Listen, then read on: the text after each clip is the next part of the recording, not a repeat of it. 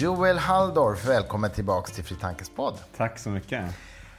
Du är ju aktuell med en ny bok, en tjock bok som heter Bokens folk med undertiteln En civilisationshistoria från papyrus till pixlar. Fyndig, ja. fyndig undertitel. Jag är förtjust i allitterationer. Ja, det märks på många ställen ja. i boken faktiskt, även på baksidestexten. Men vi, vi, kan komma till det. Men, men berätta, vad är det här för bok? Bokens folk, vad då? Det här, ja, precis. Nej, det här är en bok som jag har velat skriva länge och på, liksom, jobbat lågintensivt med i över tio år. Jag skrev mm. en artikel om just sambandet mellan bokens materiella form, hur den ser ut och eh, hur vi läser den då och mm. vilken kultur som uppstår ur den typen av läsning. Mm. Någon slags här, kropp, själ, kultur, historia. Mm. Eh, och det var för tio år sedan. Och eh, sen har jag undervisat mycket på det här temat och så.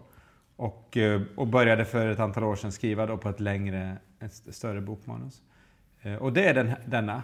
Den är ju, kan ju skrämma vid första anblick, men den är faktiskt, själva brödtexten är faktiskt bara 313 sidor tror jag. Ja, Sen och kommer... den är ju väldigt lätt tillgängligt skriven måste jag få säga. Så ja. man flyter ju igenom den. Alltså. Ja, det är faktiskt många eh, som har sagt det. Det är mm. väldigt roligt för det är mitt, mitt stilideal är att, det, att böcker ska vara man ska inte behöva läsa en mening två gånger för att förstå Nej. vad författaren menar. Det ska liksom flyta på.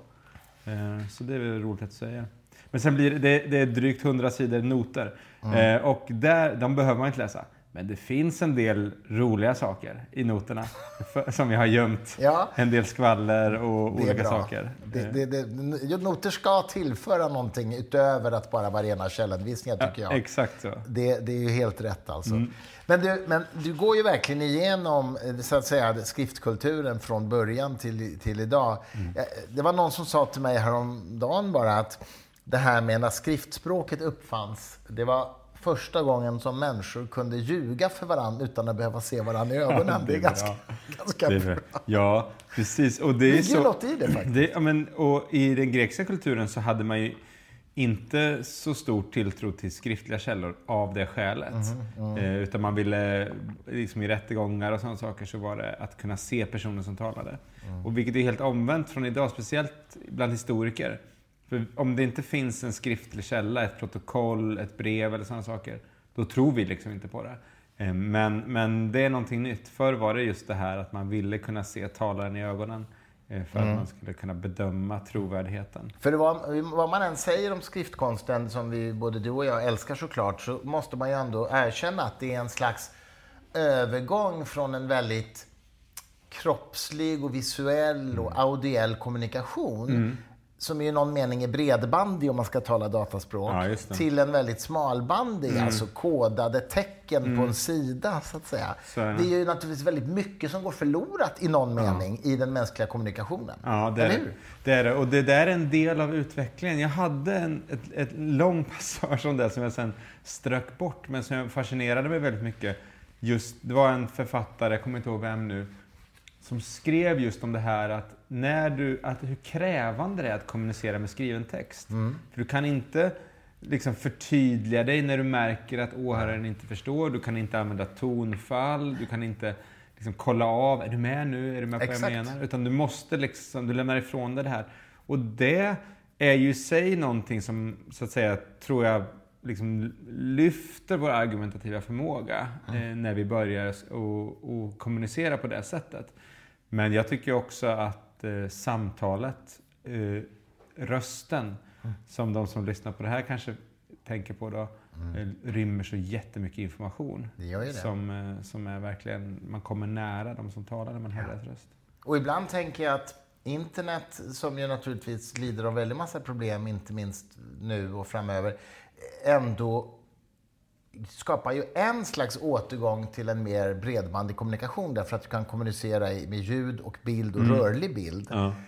På ett sätt som då en bok inte kan. Nej. Uh. Jag diskuterar ibland med vissa vänner det här med emojis då. Om man ska använda det eller inte. Mm. Några tycker att det är trams. Uh, och, med, och, men jag, jag säger att språket kan bli, det skrivna språket, speciellt när det skrivs i hast på sms, kan bli så hårt. Uh, liksom, Okej, okay eh, utropstecken. Alltså det, hur ska jag tolka det? Eh, men att lägga till ett leende eller någonting, ja, då, då, då liksom blir det som att vi hör rösten. Det här sägs med ett leende, eller det här sägs med ett hjärta. Alltså, det finns någonting i att och visst kan det bli tramsigt ibland, och så där, men det är också någonting att ta vara på den möjligheten. Ja, faktiskt. jag tycker också det. Ehm, sen finns det ju fall där folk har använt utan att veta vad de säger. Du känner till den här, nu kommer jag inte ihåg om det var Ca- Cameron, i brittiska premiärministern, som skrev till någon av sina ministrar, som skrev ett mejl om att han just hade förlorat sin pappa. Och han svarade med någonting och så skrev han LOL och trodde att det betyder lots of love. Men det betyder ju lots of love, eller ja. Det betyder laugh out loud. La- Laugh out loud, just det, förlåt. La- Laugh out loud. Det var inte så lyckat. Nej, och det, det här är sant Ja. alltså. Det, Nej, man får vara försiktig. man får vara försiktig. Ja. liksom- Precis, jag sa ju också fel nu i, i farten. Ehm, eh, men du, berätta. Du, du skriver, du, du börjar ju förstås med tanke på din bakgrund med ett kapitel som heter Kunde Jesus läsa? Ja. Vad har Jesus med det här att göra?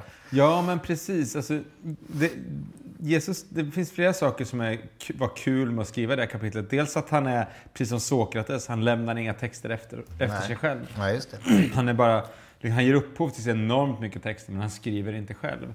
Och man tänk, vi tänker ju såklart att ja, men en så stor vishetslärare, förkunnare, det är klart att han kunde läsa och skriva. Men tittar vi på källorna så ser vi att det är inte helt säkert i alla fall. Det, det var inte så vanligt med läskunnighet. Nej, en snickare vid den tiden kanske inte lärde Precis, sig det. en, nej, en snickare i, i Galileen eh, var inte alls självklart en läsare. Nej.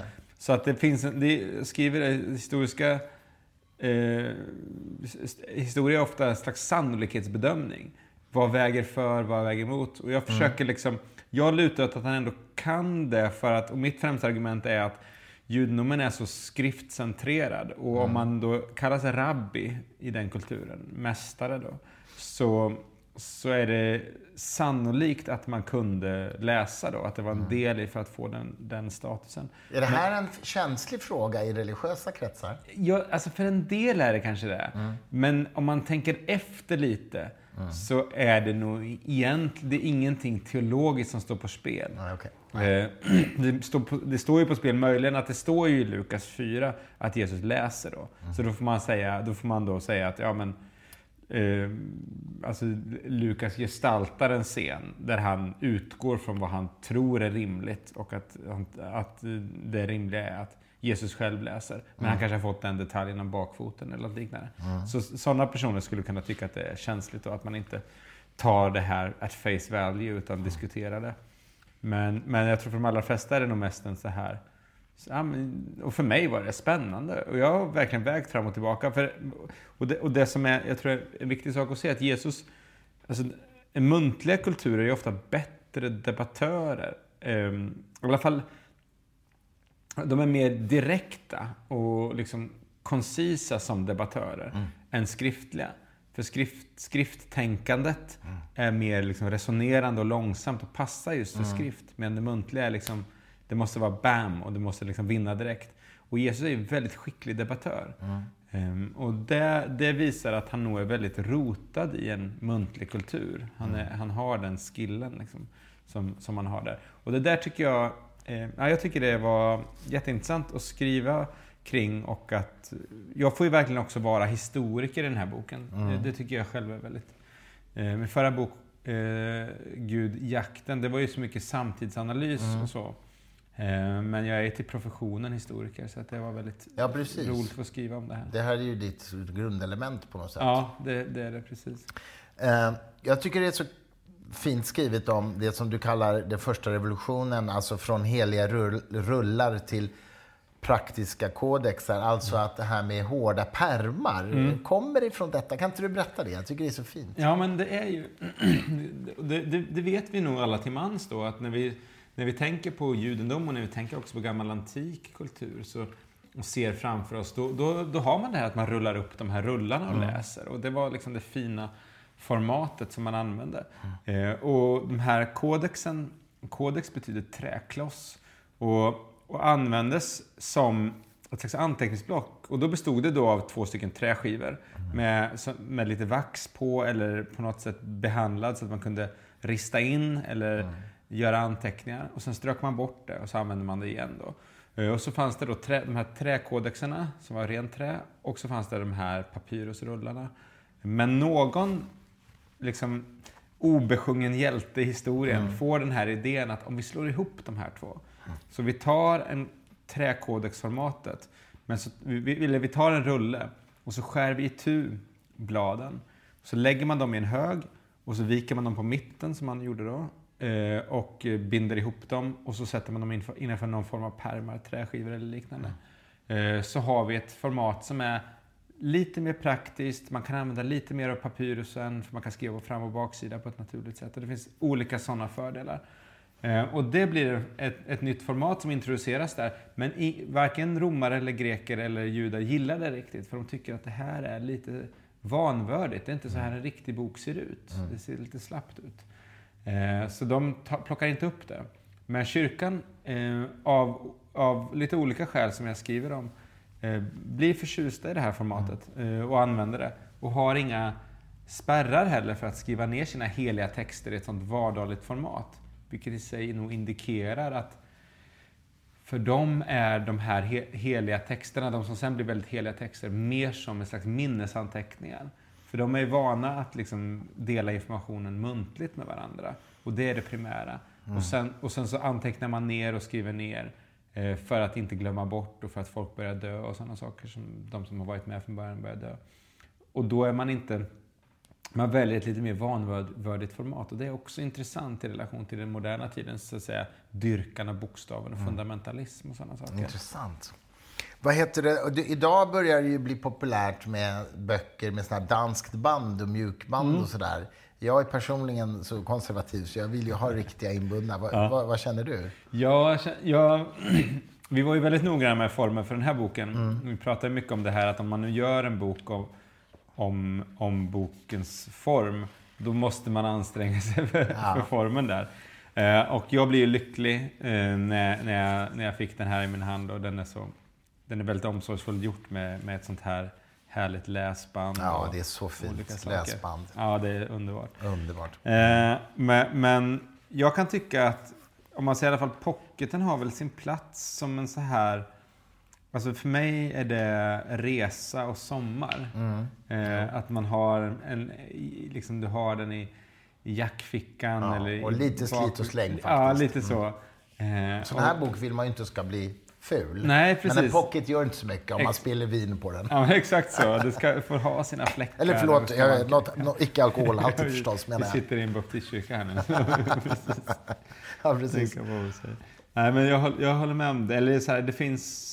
Eh, och jag har haft många viktiga böcker för mig som jag bara har läst i pocket egentligen. Mm. Som har varit... Som jag har, de är enormt slitna nu. Eh, men, men men, men gärna inbundet och den här liksom. Eh, den formen liksom, signalerar ju bättre den ansträngning, ofta den kollektiva ansträngning som ligger bakom en bok. Mm. Där man ju ofta är rätt många. Vi tänker inte på det, det är osynligt ofta idag. Det, den här boken då, som jag framför står ju mitt namn på och så står det förlagsnamnet och så. Men det är ju liksom, det finns en formgivare, det finns en redaktör, det finns mm. ju Eh, I det här fallet kanske tio fackgranskare, det finns mm. en handfull korrekturläsare, det finns vänner som har läst och familj. Det är en liten, liksom så här, så att när den väl, så det, det är härligt när formen liksom signalerar att det här är någonting som vi har ansträngt oss kring. Mm. Eh, för så är det ju förhoppningsvis med böcker då. Ja. Jo, men visst. Nej, men jag håller helt med dig. Förresten, hur sorterar du ditt bibliotek hemma? I vilken struktur? Eh, jag sorterar efter ämne, men, det är, men efter efter liksom den teologiska fakultetens ämnen. Så det är exegetik, kyrkohistoria, praktisk teologi, eh, religions, religionsbeteendevetenskap, systematisk teologi. Mm. Och sen så glider det över och blir liksom samtid, politik, filosofi, litteratur. Aha, okay. det som liksom inte, jag försöker sortera in mycket i så här, historia går ju då under kyrkohistoria och mm. mycket litteratur kan gå under systematisk teologi eller bibelvetenskap. Då. Mm. och sen har jag en separat hylla för skönlitteratur. Hur gör du? Vad är din? Jag har ju jag har egentligen tre olika liksom, bibliotek kan man säga. Ett är ju rent yrkesmässigt där alla Fri Tankes böcker står mm. eh, eh, referensexemplar av. Och det är sorterat i utgivningsordning. Ja, det. Så det börjar med den första så att ja. säga, som vi gav ut och så framåt. Hur många har ni gett ut? Ja, vad kan det vara? 400 kanske. Är det så? Mm. Wow. Det är en del. Ja. Och sen har jag ett, eh, faktiskt ett bibliotek som är helt osorterat, pinsamt nog. Någon gång ska jag göra det. Och sen har jag ett bibliotek över de böckerna, uppe i vardagsrummet har jag det som är de böcker som har betytt mest för mig Aha. i mitt liv. Så det är liksom en VIP-hylla ah. för böcker. Det måste jag kolla in nästan. Ja, det får du göra. Du, du har ju också väldigt snygga coffee table-böcker. Det ja, minns jag när man så att du, mm. du har om så fysik och... Ja, och jo, jag har några sådana där fina, mm. det har jag. Mm. Nåväl, men, eh, ja, men vad kul. Alla människor har ju olika strategier. Jag gjorde efter färg en gång. ja, det... det... var jättesnyggt, men jag blev tokig. Eh, det är liksom... Ja, det är lite svårt att hitta kanske. Ja, det blir det. Um, när klostren räddade civilisationen, det ja. måste du berätta om lite grann. Jag, jag, vet ju att även den muslimska kulturen räddade en del antika skrifter. Ja. Men naturligtvis också de kristna klostren. Ja, berätta. Ja, precis. Vad hände? Nej, men det var ju så att eh, så här, Roms fall, eh, 400-talet, mm. var, inledde en väldigt liksom, nedgångsperiod i västlandets historia. Mm. Man kan se det på, på, på statistik över bokproduktion. Liksom går rakt ner. Bibliotek går rakt ner. Väldigt få. Det finns ju en på 500-talet, det finns bara en person som kan grekiska i hela hela väst, Boetius, filosofen, som avrättas. Mm. Så, det, så kunde man kunde tänka att man kunde spara honom bara för det. Mm. Eh, men nej, han avrättades. Det är han som Av skrivit. vem? Vilka? Eh, han avrättades av någon, någon kejsare för att konspirera. Eh, någon germansk... Mm. Han, det var ju Boetius då som skrev Filosofins tröst. Mm. Som han skriver då i, i fängelset i väntan på sin, sin eh, avrättning. Ehm, så det går ner då väldigt mycket, men det finns då en institution som eh, bevarar ett bildningsideal. Och den växer också upp på 500-talet och det är klostren. Då. Det, tar fart på allvar med Benedikt av Nursia eh, som grundar 12 kloster under sitt liv och skriver en regel. Och I den här regeln så skriver han att man ska då varje dag ägna sig åt bön, arbete, mm. hora ett labora som en del kan, men också studier. Mm. Ska läsa två till tre timmar per dag, mm. alla munkar. Och, eh, och då måste du ha du, läskunniga munkar, du måste ha bokproduktion och egna bibliotek. Mm. Så varje kloster eh, skapar liksom kultur för att man ska då kunna ägna sig åt andlig läsning. Man läser själv, man läser eh, under måltiderna och man har gudstjänstböcker och så. Mm. Eh, och de blir små bildningscenter. Har, har, du läst Jan Guillous Arn-böcker? Nej, jag har inte. Alltså, den första tycker jag är rätt fin. Alltså, vad hette den nu? Den heter, den heter nog bara Arn. För den skildrar på ett väldigt... Mm. Eh, liksom, så här, hur klostren är små civilisationshärdar. Mm. Och speciellt när det kommer upp till det brutala Skandinavien. Mm. Eh, där liksom vi inte har... ja, det är ganska, en ganska brutal värld ja, här uppe. Ja, så kommer de med sin bildning, sina bibliotek och sina liksom, kontinentala seder eh, och sprider kultur runt sig. Och där bevaras böckerna. Och inte mm. minst Irland blir jätteviktigt. Jag har däremot läst Rosens namn ja, just det, av Umberto Eco. Ja, det är också, där fattar man hur mycket böcker det finns, även om det är en ganska mörk eh, Ja. mörkt kloster överhuvudtaget. Och rätt brutala grejer som händer. Ja, det, det är mord och... Har du sett filmen? Ja, jag har sett den filmen med Sean Connery. Ja, precis. Som ju är den här Sherlock Holmes-karaktären. Ja, William of Baskerville. Just det. Som ju en, också anspelar på William of Ockham. Ja, precis.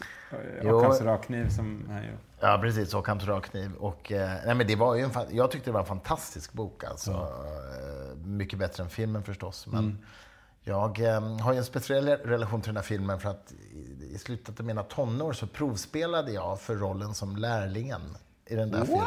Ja, för de sökte den, en nordisk du, pojke. Nej, men du skämtar. Så jag har spelat den här scenen i biblioteket när han ropar efter eh, mästaren. Eh, alltså William of Ockham. Du skämtar? Eller William of Baskerville. Men du spelade inte mot Sean Connery då? Nej. Det var men det annan. var ett filmteam som kom till Stockholm och gjorde provfilmningar. Så jag provfilmade för den, men jag wow. fick inte jobbet utan det gick till någon slyngel som hette Christian Slater som var helt okänd. Det ja, Vilket sliding doors-ögonblick liksom. Att det, det kunde bli... kunde ha blivit jag. Ja, var det Chris, Ja. det- Jag har inte tänkt på att det är Christian Slater Jo, som det är det. spelar. Ja, det är det. Alltså heter Ja, lärlingen. just det, så heter det. Men du vet att det är en postmodern roman? I du vilken det? mening Det då? anses vara postmodern. Jag bara läst Gör den det? Ja, det... Jag vet inte. Det är väl någonting om resonemangen i slutet. Ja, det var länge sedan. Jag har till och med poddat om den här. hade jag ingen läsarpodden. aning om faktiskt. Ja, men den, den anses vara postmodern. Mhm. Men vad, vad nu det betyder. Däremot, Det är, något nå- det är någonting med... Ja, jag vågar inte säga vad. Umberto Eco, det finns däremot en bok som är en dialog mellan Umberto Eco och en, tror jag, en kardinal i Vatikanen där Mhm. de diskuterar trosfrågor. Umberto Eco var ju sekulärhumanist. Så. Ja, men han var ju, har ju så mycket eh, hermetiska böcker i sitt bibliotek. Ja, Han han var var, ju- ju symbol, alltså expert på Ja. semiotik. Ja, var så. professor i semiotik tror jag. Ja, just det, det var han ju. Så han kunde ju det där. Ja, ja, men det är väldigt intressant. Det är också väldigt intressant hela bilden av... Ja, vi ska inte snöa in på den, men det finns jättemycket att säga om, hur den också... Den här bilden av medeltiden med massa olika radikala, eh, halvrevolutionära rörelser eh, som ofta är liksom asketiska och klosterrörelser, som är fascinerande. Ja, men de är, så att, och, och det, är väl, det är väl... Jag nämner ju Eco i, i kapitlet just som en... För honom är ju skriptorierna ofta dystra. Eh, och tunga platser att vara på. Men, men det finns, och det var nog jobbigt, det var jobbigt att skriva av böcker för hand. Men det finns också en jättefin irländsk vers som jag, ehm, som jag... Har du sett den? Den är... Se var den finns. Vill du högläsa den kanske? Ja, den är så lång, men jag kan läsa någon, ett par rader. Ja, gör det. Eh, det är en... Eh, här på sin 88. Eh, han jämför sitt, sin syssla med, med vad han, hans katt håller på med. Mm. I and Panger ban my cat, tis alike task we're at. Hunting mice is his delight, hunting words I sit all right. Tis a merry thing to see at our tasks how glad are we when at home we, we sit and find entertainment to an- our mind. Och så vidare. Mm. Eh, så han är, och sen slutar den Practice every day has made Panger perfect in his trade. I get wisdom day and night, turning darkness into light. Ja, det är bra. Jättebra. Den är översatt från, från, från forniriska. Då. Jag hade ett, på tal om så här digitala välsignelser, så la jag upp en skärmdump på det här när jag bara, åh det här är en så fantastisk dikt. Och då fick jag kontakt med en, en, en svensk eh, expert på den här som hade översatt den till svenska. Det finns en svensk version. Så diskuterade jag liksom vad, översättningens olika detaljer, om de håller, om man kunde liksom göra. Eh, och eh, det finns också i en fotnot, den, den diskussionen återger lite. Men det finns fantastiskt, det är fantastiskt hur man kan komma i kontakt med experter idag på Ja. ett så enkelt sätt. Ja, ja men verkligen. Det, det är otroligt. Men du, ehm, vi måste prata lite grann också om det, boktryckarkonsten förstås. Gutenberg. Gutenberg, galaxens födelse heter ju ditt kapitel nummer sju. Kan du säga någonting om vad det liksom betydde? Man inser ju att det betyder så otroligt mycket förstås. Men ur ditt perspektiv, ur den här bokens perspektiv, vad, vad betyder det här? Ja. Och det mest uppenbara tror jag, som vi alla förstår, det är ju att du får en enorm bokflod.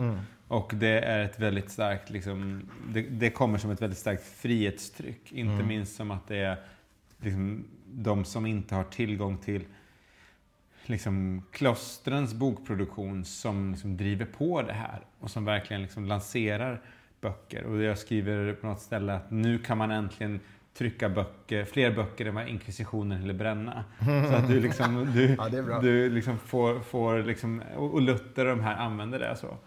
Men sen är det också någonting med, det här är spännande, ehm, att liksom tänka kring att alltså den tryckta boken är mycket mer liksom definitiv. Och den är som vi säger, det är svart på vitt där. Jämfört med den handskrivna boken som är lite mer enigmatisk, gåtfull och organisk. så.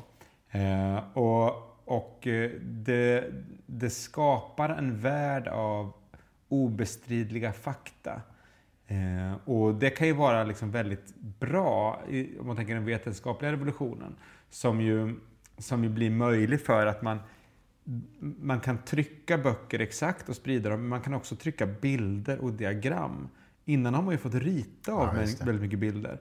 Och då om liksom någon botaniker som ser en blomma ritar av den och sen ska någon annan rita av den blomman som aldrig har sett originalet dessutom. Det blir ofta väldigt fel så småningom. Eh, Så de, de, den kunskapsproduktionen är inte lika skarp och vass. Då. Har du varit någon gång på, ha, i Hagströmerbiblioteket i Stockholm? Nej? Det medicinhistoriska biblioteket ligger i Hagaparken där. Det borde du se. Alltså, där finns ju allt ifrån Carl von Linnés originalteckningar vet du, till me- me- medicinhistoriska verk från 1500-1600-talet. Och, och, och så. Det vore jättecoolt. Mm, apropå detta, det borde du se verkligen. Nej men precis, för då, då, där ser man ju tydligt, kan jag tänka mig då, liksom utmaningarna i att föra vidare den, här, den här typen av liksom exakt kunskap.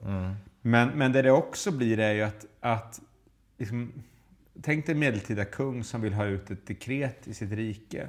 Det är väldigt svårt för honom. Hur ska han få, hur ska han få ut informationen till alla adelsmän och deras feodalherrar, deras lokala präster och sådana saker? Det går nästan inte. Han, han, han, han kan liksom säga saker vid sitt hov, men han vet inte hur det går vidare. Men däremot en furste med en tryckpress kan ju trycka upp och säga det här ska läsas upp i alla kyrkor, eller det här ska läsas upp överallt. Och, och, och få otroligt mycket mer styrsel på sitt rike. Och man kan också börja säga, här har vi en katekes, sammanfattar den kristna tron. Det här ska alla medborgare lä lära sig, som man gjorde i Sverige. Eh, Så du kan, du kan också, liksom, från att vara den här revolutionära kraften underifrån, så kan, när makten får tag i den, så kan man använda den för att strömlinjeforma eh, samhället. Och det här, på ett väldigt tydligt sätt, än idag skulle jag säga med, med digital teknik och så. Alltså det finns den här dubbelheten i teknik. Att det kan både befria eh, och vara kraften underifrån. Men det kan också användas väldigt framgångsrikt. Då, om vi tar liksom, hur Kina, Ryssland och Iran använder sig av, av digital teknik för att kontrollera sina medborgare. Men det som också hände med boktryckarkonsten förstås, det var ju att det kunde spridas väldigt mycket skräp. Liksom, Ja. Mycket pamfletter med alla möjliga konstiga Ja, idéer, så att säga. Precis. Jag tror att det är någon som sa till mig att redan Gottfried Leibniz beklagade sig över att det kom, gavs ut så mycket skräp nu för tiden. Ja. Ja, Det kan man ju tänka idag om en del- böcker. Ja, ja men det finns jättemycket liksom, underjordisk eh, Mm. liksom, publikationsmarknad och censuren försöker ju. Men det går inte. Så det man gör, det finns en bokhistoriker som är jätteduktig som jag använder en del, Robert Darnton. Han var bibliotekarie i Harvard också. Eh, och, och han undersöker det här och han säger så här, censuren i Frankrike, de förbjuder typ fyra böcker per år och det är ingenting. Det man gör är att man inte ger godkännande till böcker, men man håller inte på och håller efter allt Nej. annat. Men det blir ändå då, den lever ett liv för sig själv. Och det som sker på 1700-talet i Frankrike, det är ju att folk läser den här då. Det kan ju vara liksom satirlitteratur, pornografisk litteratur, men också politiskt explosivt. Och jag har tänkt lite, det är lite som våras, det är som Flashback och sådär. Alltså det är lite en liksom, undervegetation. Men när den blir tillräckligt stark eh, och, och det sprids väldigt mycket där, då så eh, blir det en, en politiskt stark kraft. Och, och en kraft som inte liksom, eh, den vanliga eliten håller ögonen på riktigt. Så då får man franska revolutionen när de här liksom, krafterna blommar upp och eh, de har legat grott där jättelänge och sen så plötsligt exploderar det och kungen, hovet, eliten, de vet inte vad, som, de vet inte var det här kommer ifrån. För det här har varit en, en subkultur så mycket. Och ja, jag tycker det liknar väldigt mycket liksom hur högerpopulismen har frodats i, i, eh, på, på en dolda nätforum och inte diskuterats frågor. De här frågorna har inte diskuterats i, i allmän media så mycket. Men det har blivit en sån kraft och un, där, där underifrån. Så att det är väldigt liksom, Ja. eh, både och i alla de här sakerna. Ja, ja nej, men det, det, visst är det så. Sen, sen har du ju ett eh, intressant och mörkt kapitel, den typografiska människans brott från Precis. Mm. upplysning till Auschwitz. Berätta vad boken har för roll i detta. Ja, precis. Det var ju också ett sätt att säga det här med civilisationshistoria. Att det finns en linje som går från Gutenberg via upplysningen till demokrati. Men det finns också en linje som går Gutenberg, upplysning, Auschwitz. Alltså Det finns de här, den här liksom, eh, perverteringarna av saker och ting. Och hur man använder sig av en, en liksom, rasbiologin växer fram. En del av, av, av vetenskapen väldigt inflytelserik. Väldigt, liksom, eh, väldigt mycket problem med den som vetenskapen sen själv gör upp med. Men den, men den kommer ändå på universiteten bland de intellektuella och sådär. Ja. Eh, byråkratins roll då, att, att eh, förintelsen är väldigt mycket en, möjliggörs genom en effektiv byråkrati. Mm. Att tågen går i tid, att man bygger upp fabriker, att man liksom skeppar cyanid och sådana saker Ja. dit. Och, och stämplar människor, ger dem nummer och sådär, sådana Mm. saker som vi känner igen. Men så den använder liksom alla de här civilisatoriska och, och sakerna på ett väldigt effektivt sätt. Eh, och, och sen också propagandan. Mm. Eh, böcker och pamfletter och sådär. Men också skriver en del om Radion också radion. spelar ju en stor roll där. Ja, och det, det är Goebbels är ju så medveten, han fattar ju det här, eh, att liksom radion kan överföra känslor så effektivt. Mm. Eh, och du kan höra liksom fyrens röst och du kan höra talkörerna från åhörarna och sådär. Så han ordnar, ordnar ju en sponsrad liksom folkradio som är så billig. Så jag tror att liksom om det är att eh, majoriteten av tyska hushåll har en egen radioapparat eh, och kan liksom då liksom bli, ja, jag ska inte säga hjärntvättade kanske för att banalisera begreppet, men få hela den här liksom starka propagandavågen in i sina egna kök och vardagsrum. Eh, på ett sätt som man inte... Ja, och därför att det är ett medium som tillåter en annan form av kommunikation. Det är Ja. ju det här som Marshall McLuhan säger, the medium is the Ja, message. liksom. Precis. Precis. Det, det, och de utnyttjar det här till, till sin max. Ja. Eh, så. så att det, det är... Nej, det där var... ehm, Och sen kom ju digitaliseringen. Ja, precis. Jag vill bara säga en sak om Ja. det här. Det är det här att det var en jättefin understreckare i Svenska Dagbladet av eh, Björn Linnell, tror jag han Mm, heter. mm. Eh, som skrev Tidigare förläggare på Natur och kultur. Ja, precis. Och stor boknörd. Ja, Eh, verkligen. Mm. Jag träffade honom igår faktiskt. Gjorde du det? Ja, ja. Okej. Han, han lever ju ihop med Lena Andersson. Ja, jag skulle, jag, ja, han skulle gärna prata med honom. Han, Mm. han skrev jätte, jättebra. Och då så, så noterar han då att det finns en, så här, en kluvenhet hos mig inför liksom, civilisationen och så här, framsteget. Så. Och, jag, och, och det har han helt rätt i. Ehm, men jag vill verkligen inte, jag vill, jag, och jag vill verkligen betona kluvenhet i det här att det både är, det ser väldigt, jag ser väldigt mycket positiva saker. Och jag ser, men jag ser också de här hoten. Då. Så det, det kapitlet var ett sätt för mig att också säga, för mycket handlar om demokrati, mångfald och sådär, vetenskap. Men att, att liksom inte, inte liksom rygga för, för mörkret. Eh, så på det sättet var det, var det viktigt eh, att skriva. Men, jag, men när vi åkte in hit, bara en, en helt en passus. När vi åkte in hit idag, jag skjutsade in mina, skjutsade mina barn till sina kompisar, Mm. så var, var de lite sura, eh, som barn kan vara. Mm. Och så var jag så här, så vände jag mig till min dotter. Ah, hur är läget? Ja, det är bra. Hur är det? Har du tak över huvudet? Har du mat på bordet? Är vi på väg till en av dina bästa vänner? Nu ska åka med henne. Går du i en skola som du gillar? Har du kompisar? Har du tillgång till fri musik? Har du, till, du är en av historiens mest liksom, liksom, Privilegierade. privilegierade människor som skrattar. Liksom. Ja, det är bra. Det är bra. Men det var liksom också, så det, det, det, är, också sant liksom. Det finns, man, man får inte glömma bort det. I att så här, man har ju enormt mycket, mycket liksom privilegier, privilegier Mm. att leva i den här tiden. Men när det går fel så kan det gå verkligen käpprätt eh, fel. Och det här är ju en av de stora farhågorna nu, tycker jag, med de nya AI, Large Language Models, eh, LLM-erna som ChatGPT och sådär. Det är ju att hittills har vi vant oss vid att AI kan kurera innehåll individuellt åt oss, vilket ju ledde till ökad populism och polarisering. Nu, men då var fortfarande innehållet skapat av människor. Va? Men AI kurerade det. Det. Nu kommer ju AI snart också vara de som skapar det här innehållet. Va? Så vi går från AI cur- curation till AI creation. Och eh, jag menar, du kan ju bara föreställa dig om du sätter igång i några sådana här ChatGPT-system att börja fråga varandra efter att producera politiska tal eller manifest eller whatever, fake news. Alltså så kommer ju väldigt snabbt internet att fullständigt domineras utav AI-skapat content. Ja. Och Och idag- då är frågan hur de här är inställda. Är. Om Ja. de speglar Precis. Uh, ja, och, och, grejen är så här. Ja, det här är min stora farhåga med AI. Det är att vi kommer att gå ifrån att få lära våra barn att kom ihåg att allt du läser på internet inte behöver vara sant, som vi säger nu, mm. till att säga kom ihåg att i stort sett allt du läser på internet är falskt. Ja, och det är ju inte så bra. Nej. För då förlorar det liksom sin funktion. Det blir ju till mm. slut som eh, Borges novell, eh, eh, vad hette den? Eh, Library of ba alltså Babels bibliotek. Det, ja. Som ju är en surrealistisk berättelse om ett oändligt stort bibliotek där alla böcker på 400 sidor eh, finns med alla tänkbara bokstavskombinationer på 400 sidor. Och det innebär ju att nästan alla böcker är bara skräp, för de står ju ingenting alls. Nej. Men där finns också böckerna om, du vet, kuren mot cancer. Ja, Eftersom alla finns där. Ja.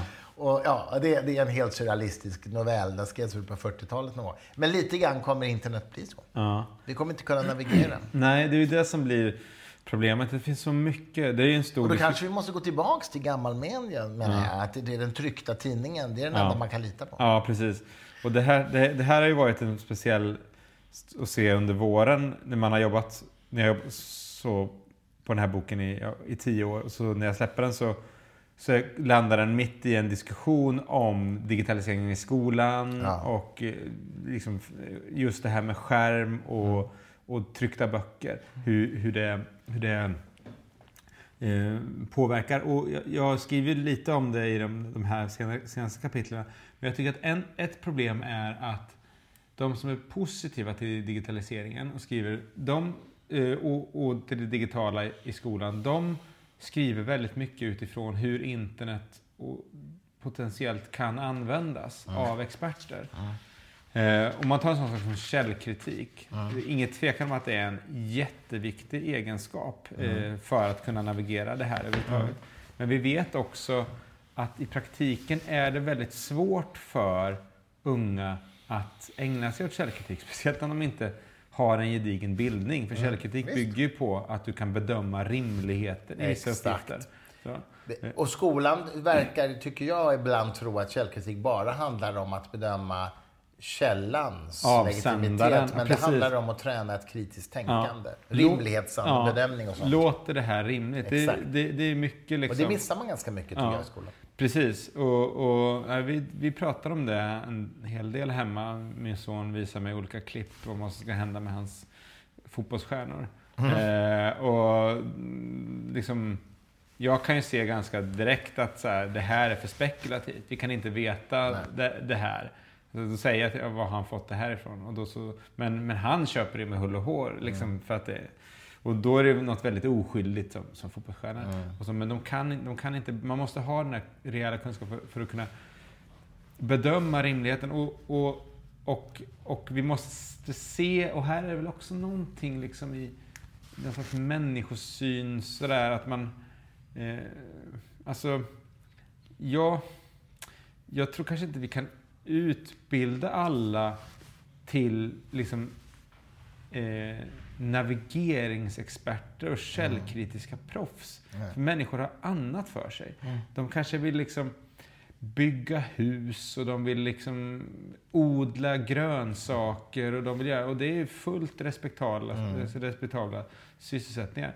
Då måste vi se till att den informationsflod som de rör sig i, när de sen sätter sig framför TV, sätter sig framför datorn och så, på något sätt är rimlig i alla mm. fall.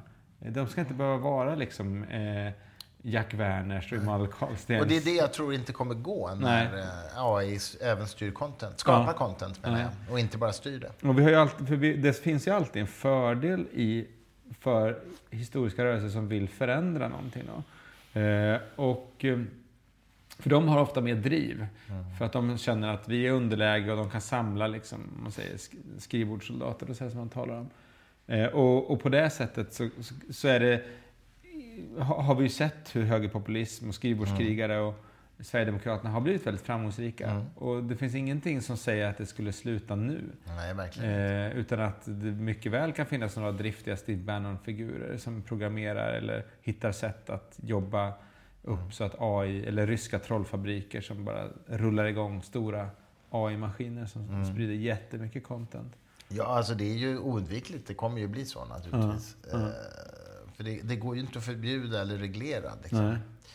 Vad, är, vad, vad, vad, är det för, vad ser du för lösning? Är det då... För, för det, det, det, det är ju ett av kapitlen ganska mycket liksom... Eh, alltså att de tryckta böckernas första fördel är att de sprider information väldigt mycket. Men fördelen idag är att de begränsar information. Ja. Att det är lite jobbigare att trycka ut en bok. Och det Tyvärr är det lite för lätt också, för Ja. du kan göra print on demand via Ja. Amazon. Va? Och det blir kanske inte så snygga böcker och sådär, men det är i alla fall tryckta böcker. Men om du har ett, ett system, ett ekosystem där du har betrodda förlag, Ja. Ja, men det recensenter, eller typ- betrodda tidningar. betrodda tryckta tid- tidningar. Ja, och tidningar som recenserar böcker och redaktioner. Det ska vi värna verkligen. Ja, det tror jag är jätteviktigt. Eh, att, att ha det. Eh, och vi måste kunna ha ett... Vi är så vana att tänka att när utvecklingen kommer, ja men först har vi liksom eh, gamla T-Fordar som är, liksom, hackar fram på vägarna och sen så kommer bättre bilar och då ersätter det bättre det sämre. Att utvecklingen hela tiden, liksom, den här kapitalismens kreativa förstörelse ersätter och tar bort det gamla. Men den logiken är farlig att tillämpa här. För att, är- för att den digitala texten har vissa fördelar. Den är snabbare, den är enklare att producera och sådana saker. Men den tryckta texten har andra fördelar. Hur den hakar i ett ekosystem och också att den gynnar en typ av djupläsning och så. Och här ska det inte vara en, här, här är målet inte att det digitala ska ersätta eh, det tryckta. Utan att de ska finnas eh, båda två. Det tror jag är liksom jätteviktigt. Att vi behöver ha, eh, kunna tänka liksom, att vi har flera, flera solar liksom, i vår galax som nu tar form. Nej, men det, det, är, det är verkligen sant. Ehm, Men jag vill bara ta upp ett par grejer till ur din bok. Du skriver ju, vilket jag tycker är väldigt roligt, du skriver ju om den här legendariska artikeln från 1945, As We May Think, hette Mm. den ju. Atlantic Monthly, julinumret tror jag, 1945, Mm. av eh, dåvarande presidenten, amerikanska presidentens vetenskapliga rådgivare, Vannevar Bush. Mm. Där han ju faktiskt förutser både persondatorn, det grafiska gränssnittet och internet med sina hyperlänkar. Det är ganska Det, otroligt. är- det, är, det är en otrolig text. Berätta lite om, om den. Nej, men han, han, han förutser ju, vad ska man säga, funktionerna. Ja. Men inte tekniken, hur det ska ske. Nej, han trodde ju på mikrofilm då. Det var ju det man hade Exakt så. Han, han ser framför sig att det här ska vi lösa med mikrofilm. Vi ska få, eh, han kallar det mimexar då, som sl- små läspulpeter som har mikrofilm in i sig. Och vi kommer kunna liksom klicka oss fram i de här. Kalla upp dem på skärmar. Ja, precis. Och, och, och, och, och, han- för han är bekymrad över att det är så stort output av vetenskap. Ja, och då är det på 40-talet. Ja, och, liksom, eh, och att ingen hinner läsa allting. Så vi måste sortera, vi måste hjälpa varandra att sortera. Och då kan vi också liksom skapa stigar i materialet. Mm. De här hyperlänkarna, man klickar sig fram. Och vi kan dela med oss av, de forskare kan dela med sig av stigarna. Liksom. Kika på de här och gå den här vägen och sådär. Och jag, som jag minns det så sa han till och med att, att nu när kriget är slut så måste vi ge våra ingenjörer som hade jobbat i krigsindustrin, vi måste ge dem någon ny, nytt mål så att Ja, säga. och det är att utveckla teknologi som hjälper oss, på grund av att det är så mycket vetenskaplig information, som hjälper oss att, att samla in, bearbeta, strukturera och presentera information. Mm, så han, han skapar ju egentligen begreppet informationsteknologi, även om han inte kallar det det Precis. bokstavligen. Ja. Det är ganska fascinerande. Ja, det är jätte, Och så kommer han på det här med att vi ska kunna koppla ihop ord i dokumenten som pekar mot varandra, Ja. alltså hyperlänkar. Ja, precis.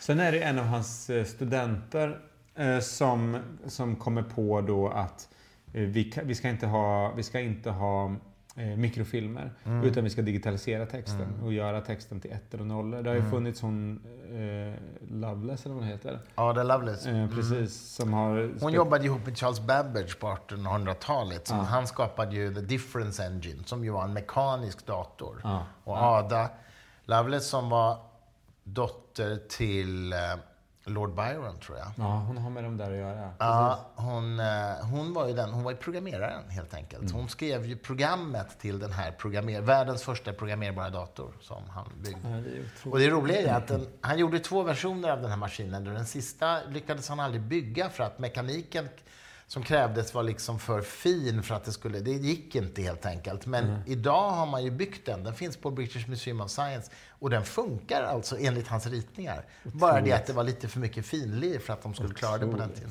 Det är rätt häftigt. Ja, det är otroligt de här. Nej, men, men, men, men, men sen, där börjar man ju då att, att göra om de här datorerna finns ju som räknemaskiner.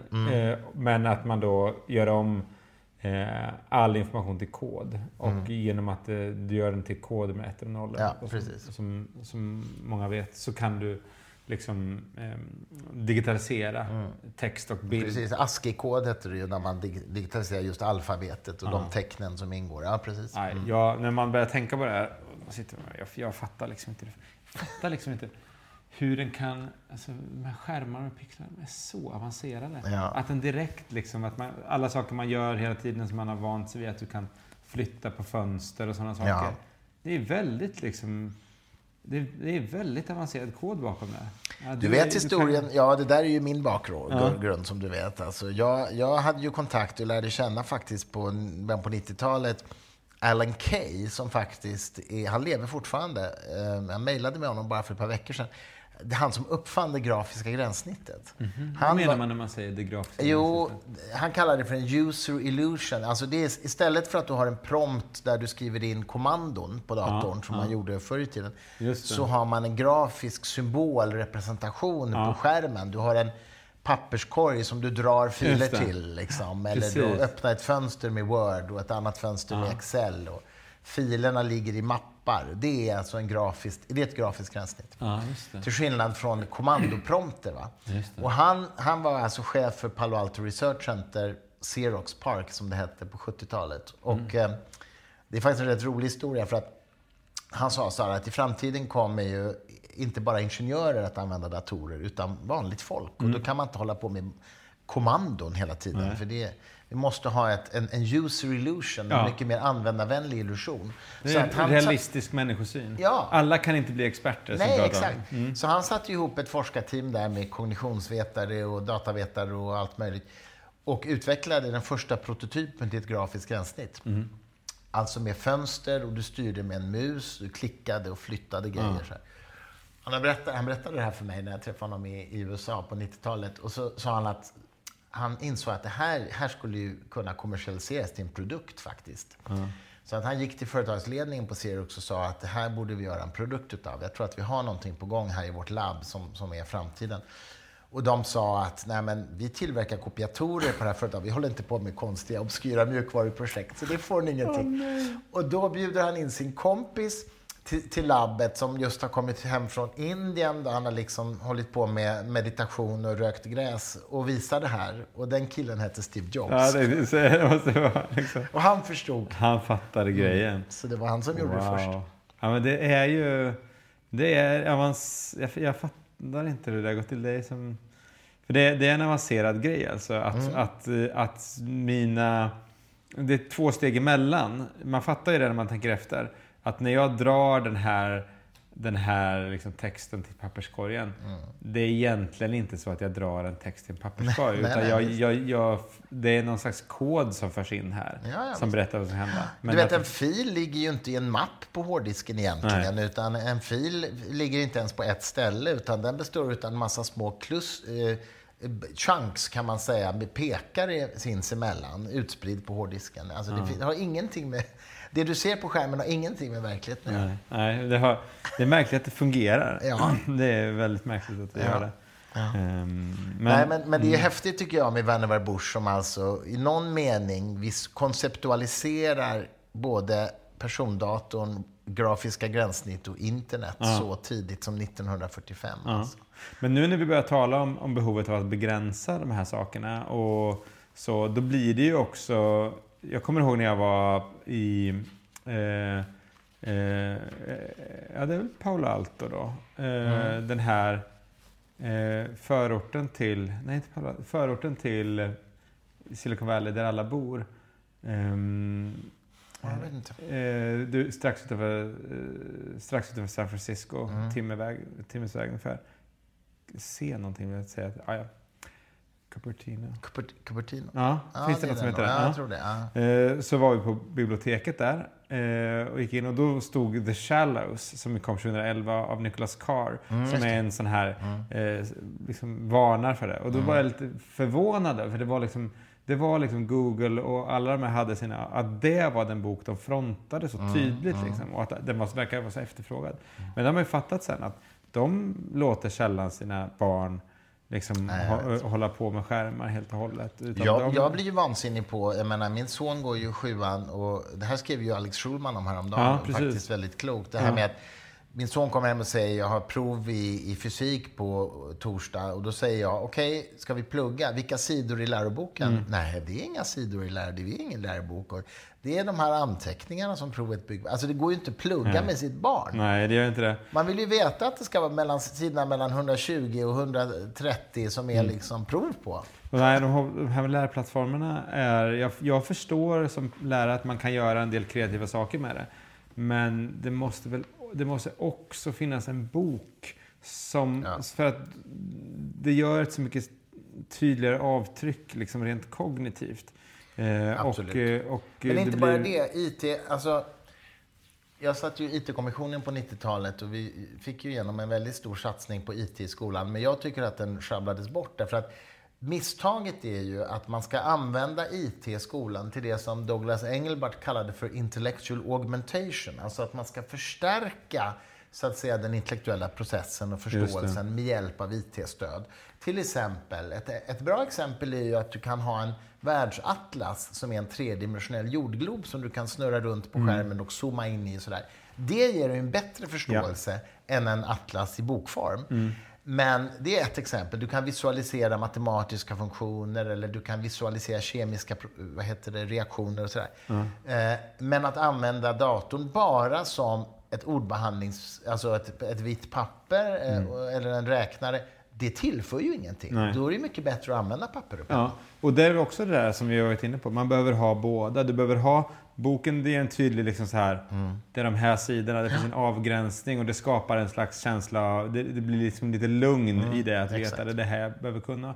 Men sen att, och, och du kan läsa igenom och få den här översiktliga, texten ligger stilla, den följer på varandra i liksom längre resonerande sidor och du kan se tydligt hur varje kunskapselement bygger på varandra. Och, och det som jag skriver om mycket också, läsförståelsen blir bättre och du, det är lättare att koncentrera sig och de har mätt det här på så väldigt många sätt. Då. Och sen så lägger du till det då, lärplattformar, visualiseringar, quiz, allt möjligt. Augmentation. Det är väl ett utmärkt sätt. Och då har du både och då. Eh, exakt. Men, men, men inte det här liksom att, eh, eh, att man märker i vissa ämnen och så. Eh, och vissa, jag har pratat med vissa eh, rektorer så att, att de uppfattar att eh, eh, böckerna nästan är helt på väg bort. Eh, och så. Ja, det är vansinnigt. det, det, då får man, in, det ska vara både och, det ska inte vara antingen eller. Jag håller verkligen med dig om det. Du, eh, vi ska strax avrunda, men jag måste ju ändå få ta upp din, eh, ditt efterord som heter Från Jesus till Donald Trump. Just det. det. låter ju nästan lite hädiskt. Ja, precis. Vad menar du? Nej, men det är ju att det, det, det, var mitt arbetsnamn på boken. Och liksom både för att, jag tror alla tänker så här liksom, att wow, vilka två, vilka skilda personer. Och det är de ju, de är ju vitt skilda. Men det finns också en rolig likhet och det är att de båda är väldigt skickliga muntliga kommunikatörer. Och det är det som har satt spår. Jesus då med sin debattskicklighet som vi pratade om i början. Eh, och Donald Trump som också kommer in och inte är en textmänniska. Då. Han, han, han läser ju inte och mycket av problemen med hans ledarskap och personlighet har ju med att han inte läser att göra. Men han är också väldigt, liksom, har en intuitiv förståelse för den muntliga kommunikationen på ett sätt som premieras idag. Då. Och hur han liksom kommer på elaka smeknamn på sina motståndare och hur han talar till människors liksom, instinkter. Eh, och ofta ganska mörka instinkter då. Eh, och och liksom förstärker dem. Och så så att han, det finns, det finns liksom någonting, ja, det finns någonting i den muntliga kulturens återkomst med Donald Trump eh, på ett sätt och, som blir det finns nästan som en cirkelrörelse tillbaka till en liksom förskriftlig kultur, eh, muntlig kultur. Och så. Men det som också är väldigt tydligt hos Trump är att det finns ingen liksom, den här liksom Gnosev-ton, känn dig själv som det stod på oraklet i Delphi. Mm. Reflektionen, självkännedomen, sådana saker verkar inte finnas alls. Han verkar inte vara i kontakt. Så jag, liksom, ja, jag leker lite med de två liksom, personerna Mm. eh, och jämför, jämför dem på, på olika sätt för att liksom, summera det här. Ja, det var väl din ursprungliga boktitelsidé, det vill var- jag minnas. Men det, det var, det du var, kom på bättre tankar. Ja, precis. Det Tack var det första som vi hade. Eh, eller var ar- arbetstitel som alltid har varit från Jesus till, till Donald Trump. Men jag tror att det blev Papyrus till pixlar blev bättre. Ja, det blev, det blev eh, väldigt bra. Du har ju en rolig baksidestext här eh, med väldigt mycket... Med tryckkonsten har också skuggsidor, förtryck, folkmord och fake news, FFF alltså. Eller, eh, ja just det. Vi möter nunnor och nazister, revolutionärer och recensenter, poeter och praktikanter. Predikanter. Predi, pre, pre, pre, predikanter såklart, ja. Arbetare och algoritmer, bibelläsare och byråkrater, tech-entusiaster och tidningsredaktörer. Du gillar de här eh, allitterationerna väldigt mycket. Ja, jag gillar det. det. Det är faktiskt kul att leka med. Mm. Eh, och eh, och det blev... Ja, det- är nog min bästa baksidestext, tror jag. Ja, den är faktiskt... Konst att skriva sån genre också. Eh, Men eh, hela boken ska man läsa, inte bara baksidestexten, tycker jag. Eh, Joel Halldorf, vi har pratat en timme nu, så att det är dags för oss att gå ner och möta en livepublik Ja, här. det. Nu du kan väl berätta var vi är någonstans? Nu är vi på min frus café här i Linköping, på Babettes. På Babettes, där vi har blivit lite utfodrade, men vi ska se till att vi får... Det är ett kulturcafé med eget bageri och så, så att de har både, både mat för kroppen och själen. Då. Precis, och nu ska vi ha ett samtal inför publik som leds av vem? Eh, Anna Lindberg, som är eh, tidigare chefredaktör för Korren. Eh, Så att, ja, det blir kul. Strålande. Joel Halldorf, tack för att du var med i Fri Tankes podd igen. Tack så mycket.